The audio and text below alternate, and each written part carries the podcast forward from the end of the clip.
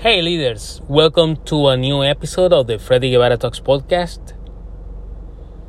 How difficult it has been for you to be authentic. This is one of the buzzwords that we use in leadership. You have to be authentic, you have to be authentic. Wherever you are, be yourself. And we are promoting being ourselves. But how difficult it is for you to be authentic. Sometimes you can wonder, how can I be myself in this situation? How can I be myself at work or with my own family? But first of all, before going on the tips on how to be authentic, let's see what Brené Brown, a psychologist and TED Talk speaker,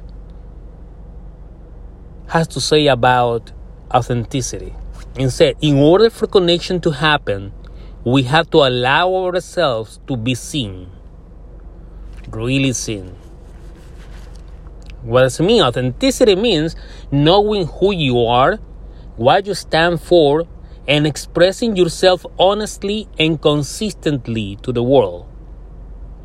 That's how authenticity is.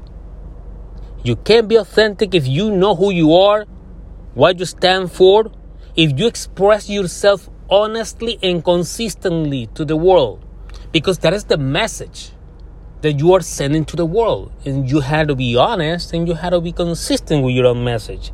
So, how can you be authentic wherever you are? Be yourself, but how to do it or how to be yourself. Number one, speak your opinions. Of course, you can speak your opinions. You can speak up what you think and what you feel, but you can do it in a healthy way, in a constructive manner. That's the difference. There are people and leaders say, I cannot speak up, I cannot speak what you think. Yes, you can speak what you think. You can speak what you feel just you have to do it in a professional manner. You have to do it in a healthy way, in a constructive way. Number two, make decisions that align with your values and belief. Always make decisions. We are as leaders. In our personal and professional lives, we have to make decisions every single day.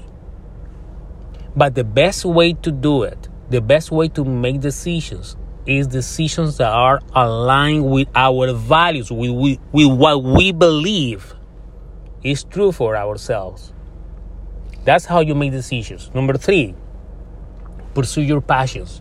You cannot be yourself if you do not pursue your passions. You have to look for your passion, what your passions are, and pursue them. Go after them. Number four, listen to the inner voice you had to listen to yourself. You had to listen to your heart, to your emotions. You had to listen to your guts to see what they had to say about you. But listen, listen. Sometimes most of the answers we have inside us. Number five, allow yourself to be open hearted and open minded too. Have an open mind, have an open heart. Give others the opportunity to know yourself from a human perspective. We are humans.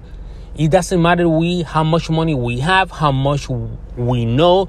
It doesn't matter what our title in the company where we work is. Be open-hearted. Make yourself available and approachable to others. And lastly, walk away from toxic situation. You cannot be yourself if you are involved in a toxic situation, in a toxic company, in a toxic relationship. You cannot be authentic if you are immersed in toxic situations, in toxic relationships at work or in your personal life.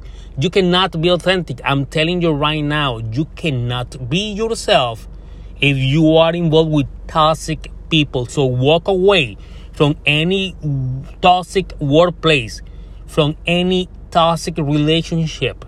Wherever you are and you see there is a toxic environment, walk away from there. It doesn't mean that you don't have to, to work, to hustle, to, to fight for what you want. It's that it doesn't matter. It's not worth it. It's not worth it your investment in a toxic situation or in a toxic place. So if you follow those tips, you can be yourself. If you speak up in a healthy, in a constructive way, and if you consistently and honestly communicate with others and to the world, you will be an authentic person. But after all, be yourself. And be yourself in a professional way, in a world class high level. In a world class high level. Be a world class human being. And be yourself.